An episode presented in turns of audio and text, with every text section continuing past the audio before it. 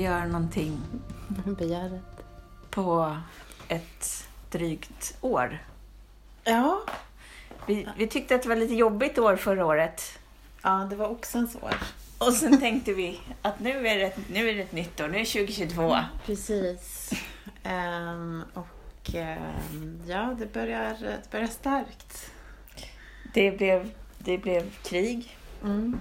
Det är krig. I närheten av oss. Precis. Vi, vi spelade in ett avsnitt om där vi pratade om trackers, men eh, den hann bli helt inaktuell eh, innan vi ens hann släppa den. Ja, man måste vara väldigt snabb nu för tiden. Det är sådana här äh, volatila tider. Om man ska säga något relevant så måste man säga det snabbt och kort. Vi var jätteintresserade av trackers, men ni, ni missar det nu. Vi får liksom ta och prata om det i något annat sammanhang. Ja, det blir nog aktuellt. Det är fortfarande aktuellt. Men kan inte, du kan väl bara säga några meningar om varför var du så fascinerad av Trackers for Freedom? Ja, precis. Jag blev väldigt fascinerad för det var en, eh, en eh, eller är en gräsrotsrörelse som väldigt spontant bara självorganiserade sig för eh, frihet mot vaccintvång och vaccinpass i Kanada. Eh, och jag blev både fascinerad och mörkrädd hur eh, det politiska etablissemanget eh, behandlade de här människorna som protesterade mot det. Och även media. Och även mainstream media. Eh, och hur, vilken stor roll sociala medier kan spela, eller spelar i de här sammanhangen. Både på, alltså verkligen på gott, men också såklart ont. Som jag tycker man ser nu jättemycket med kriget. För att det var verkligen så här... Eh, att jag såg ju, jag började ju se det från sociala medier-hållet, från Instagram. Och Mm. sen när man sen såg vad mainstream media gjorde och där den dissonansen Mm. eh, och sensemakingen Mm. blev ju, vänta lite, vad är det som pågår? Ehm, och, och sen så helt plötsligt... Vänta, kan vi inte bara... Det var, det var, ju, det var ju inte det här vi skulle prata om, men kan inte du bara säga hur var den dissonansen? Vad bestod den i? Den bestod i att det var två helt olika bilder som framställdes. Där eh, social, på sociala medier var det en rörelse för gemenskap, för alla kanadensare. Det var urfolk, det var vanlig arbetarklass, det var sikher, muslimer, hbtq. Alltså det var liksom alla möjliga människor som samlades under det här. Medan i mainstream media och i det politiska etablissemanget pratade man, man om eh, högerextrema, rasister, homofober, antivetenskap eh, och så. Eh, och det var, det var en dissonans, verkligen. Och, men det är så här... det, och det var som en, en, en ganska stor mindfuck att se det. Mm. Eh, och sen så helt plötsligt så har vi krig. Mm. Och Lite annat att tänka på. ja, men också så här, vad ska man tro på? Ja. Precis. Jag tycker det är jätte, jätte, jättesvårt. Ja. Det finns ju till och med de som tror att det inte ens finns ett krig. Jag är inte en av dem. Men, men att jag kan förstå på något sätt den rörelsen. Att man blir så här, jag kan inte, jag kan inte sålla någonting i det här. Jag tror inte på något som sägs. Nej. Vilket är en ganska, ganska otäck... Eh, eh, Det är svårt med sensemakingen nu för tiden. Mm. Men, men det var ju, eh, vår vän Martin la ju in en bild, eh, eller skickade Mm. en bild som Rob Hopkins hade lagt upp. Att, På Insta. Ja, precis. Där Mm. det stod, vad var det stod? Begäret efter att vara välinformerad, det lirar inte längre med begäret att, att ha... Ja. Sanity. Just det, ja, precis. Sanity. Ja. Nej, just det. To stay sane. Mm. Mm. Jag eh, kunde relatera. I can relate. ja, verkligen. Men vi, vi ville prata om en särskild aspekt i den här krigsfrågan. Mm. Vad ville vi prata om? Vi ville prata om vilken kalasutmaning det plötsligt blev för eh, vår idé om manlighet. Mm. Säg mer.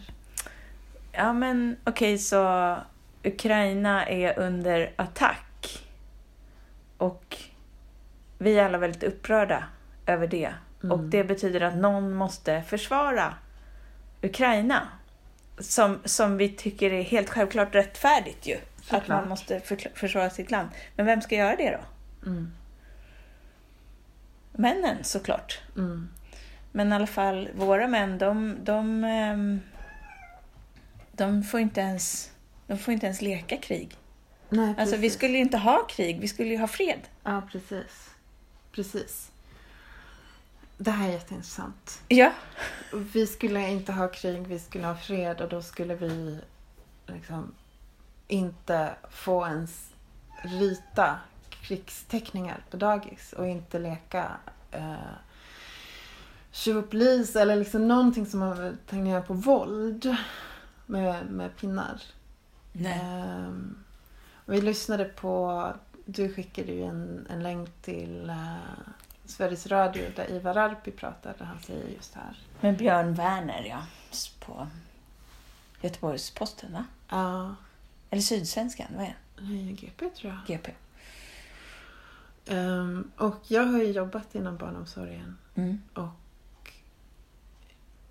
fascinerats av det. Hur pojkar, inte alla, men absolut majoriteten.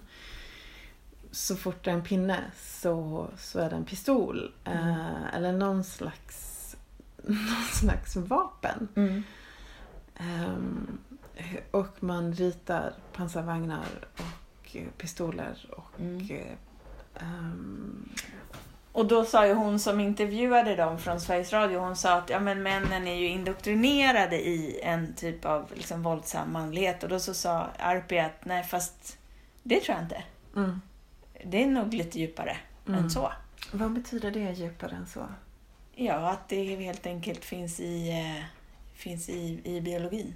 Mm. Att man, man har en, eh, en, en, en biologi, en genetik som ger en hormonuppsättning som Mm. gör att män är mer våldsbenägna än kvinnor. Mm. Oops! What? Vänta, Det lät, kändes förbjudet. Men är det inte också samtidigt det som sägs hela tiden att uh, si och så många procent uh, våldsbrott begås av män. Sen också och så många våldsoffer är män. Eh, så det är mycket, eh, alltså både att män är, eh, de flesta förövarna är män men också de flesta offren är män Mm. eh, för våld. Men att vi lever i en kultur, verkligen en kultur där, där vi ska ha liksom tänkt bort det där. Mm. Det där primitiva. Mm. Hålla på med krig och vara våldsam, den toxiska maskuliniteten. Mm, nej, det skulle vi ju inte hålla på med. Men vad händer då när kriget kommer? Även om vi ville något annat så kom det. Exakt. Det är som att verkligheten bara, ja ja, tänk vad ni vill, men så här ser jag ut. Mm. vad gör ni med det? Ehm, Och då uppstod frågan, skulle du försvara ditt land? Skulle du dö för ditt land? mm, Och då hade Kalle Schulman sagt att nej men nej, jag vill inte det. Jag, jag drar. Jag tar min familj och drar. mm, Det uppstår ju väldigt intressanta och liksom djupgående frågor i det där. För vad, vad är det man menar? Liksom? Är, vi, får, vi får plötsligt kontakt med så här, vad är det då som vi skulle försvara? Vad betyder det att försvara sitt land? Vad är, vad är värt att dö för? mm.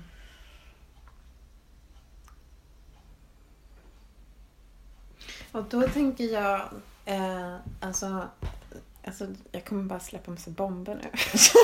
Do it! Nej men när vi har haft en feminism som har liksom bärsat männen. Alltså vi har liksom... Ehm, vi har en kultur där det är helt okej att och bara generalisera kring män. Att de är så här, de, de är våldtäktsmän och de, eh, de står för allt ont i världen, särskilt den vita mannen. Ehm, Patriarkatet. patriarkatet. Vi krossar det. Vi ska krossa patriarkatet. Mhm. Ehm, Och sen kom kriget. mm. Ja, förlåt, jag avbröt. Nej, nej. Fortsätt. Men, men så vad, vad finns det... Vad ska de här männen som har bara fått höra att de suger, vad, varför ska de... Jag bara, alltså... eh, ja men så här tänker jag. Uh, take it or leave it. Varför ska de försvara? Om de har fått bara höra att de är skit. Särskilt när de är våldsamma. Mm. Mm. Och jag måste säga, jag är team älska män. Ja, det är jag med. Vi är Mm. på samma team där. Mm. Heja männen! Heja männen! Heja männen i omställningen! Ja, verkligen. Och team mansplaining älskar att bli mansplainad till. Det är ett stort privilegium att ha män som kan förklara grejer till mig som jag inte förstår. Har ni det? Ring gärna. Ni får vara med på podden. Alltså, vi måste ju ha lite manliga Lite mer gäster män. som kan förklara. Ja. Men vad tänkte jag? Alltså... För, för, så okej, den här grejen att om vi, om vi säger att det är så då, att, att vara man är oftast också att vara den som ska försvara det som är värt någonting. Och frågan är om det inte bara är så att, att vi inte riktigt vet nu vad det är. Och att det har ofta varit någonting Mm. ganska dåligt Ja. som har försvarats. Alltså det har varit någonting ganska dåligt som man har gått ut i krig För. för och också då försvarat. Ja. Ehm, men betyder det att liksom per definition att, att det är dåligt? Eller jag vet, jag vet inte vart jag är på väg här. Men jag tror att det som du vill säga det är också att våld och krig, det är en del av att vara mänsklighet. Mm. Det har alltid funnits och det kommer Mm. alltid att finnas. Och vad ska vi göra med det? Mm. Och där hör jag ju direkt någon säga så här, ja fast inte i alla kulturer. Bara, nej, inte i alla kulturer. Ehm, att kanske alla kulturer har varit krigiska. Men, men, men fortfarande kan man inte förneka faktum att eh, vi lever i en tid där, där, där, jo, men vi har också uppenbarligen kulturer som eh, krigar och det har pågått ett mönster som upprepar sig i den här materiella manifestationen av allt skapat här på jorden. Men så om du, om du tänker att, ja okej, vi, men vi tycker att krig är dåligt, vi vill inte ha krig, det är vidrigt, hemskt. Och ehm, därför ska vi bygga en fredskultur nu. Och nu ska, män, nu ska kvinnorna leda vägen in i framtiden. Och vi ska, vi ska ha ett samhälle som, där det inte finns krig, där man inte håller på med krig och våld. Vore inte det bra? Jo, men det är klart att det är bra, men jag tror fortfarande att det, det är en ganska löjlig tanke att tro att det skulle... Löjlig tanke, men det är att tro att man ska lyckas med det. Alltså just det här att... Eh, alltså, hur går man värdigt i en tid eh, eller i livet? I en Mm. tid som denna. Alltså för att det är som att nu är det också det här att Ska vi vara med i NATO eller ska vi inte vara med i NATO? Ska vi, liksom, hur ska vi göra med det här? Um, att vi måste på något sätt så här välja sida. Eh, vilket, vilken, eh, vilka vi vill vara med. Eh, vilken sida slåss vi på?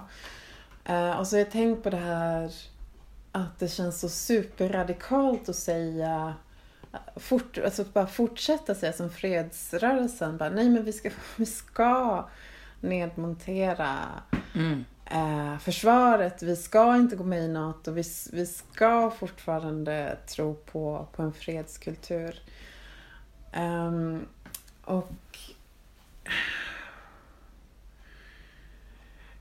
och, och att, jag ser att, att, att man kan fortfarande...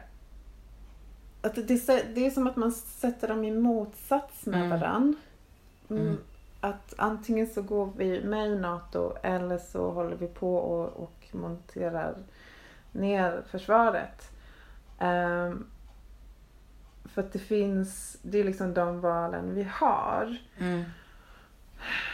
Ehm, och jag tror på något sätt att jag vill ändå verka för en, en fredskultur även om jag är helt övertygad om att krig är mönster som upprepar sig. Mm. Och det är så... Det säger emot sig självt. Va? Ja, men det säger emot sig självt att... att eh, alltså hur kan jag, hur kan jag liksom jobba för att tro på... Eller jobba för en fredskultur även fast jag är övertygad om att men det kommer ju inte... Alltså krig kommer alltid finnas. Ja, okej, men ja, man kan uppfatta det som att det säger emot sig själv, men du säger egentligen att det gör inte. Nej. Utan att vi måste kunna göra båda Ja, dem. precis. Ja, Vi och- måste ändå fortsätta stå upp för någonting. Mm, Även fast det är helt omöjligt. Mm. Eller det tror vi inte då, även om det är helt osannolikt. Ja, helt osannolikt. Ja. Nej, jag tror att det är också helt omöjligt. Det är helt omöjligt att ha en värld utan krig. Ja, Mm, det tror jag. mm, Men värderingarna är ändå värderingarna och det, det är de jag vill stå på.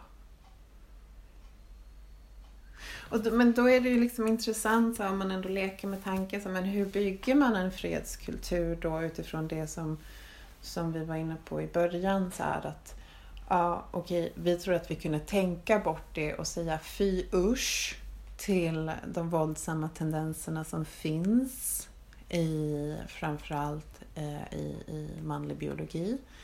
Eh, vi ska inte låta barnen leka krig utan vi ska lära dem att leka fred. Um, så hur, hur eh, och det, det sen reality bites, verkligheten kommer ikapp. Men hur kan man bygga på en fredskultur där man inte förnekar den här aspekten av verkligheten, av att våld är en fundamental del av att vara existera på jorden.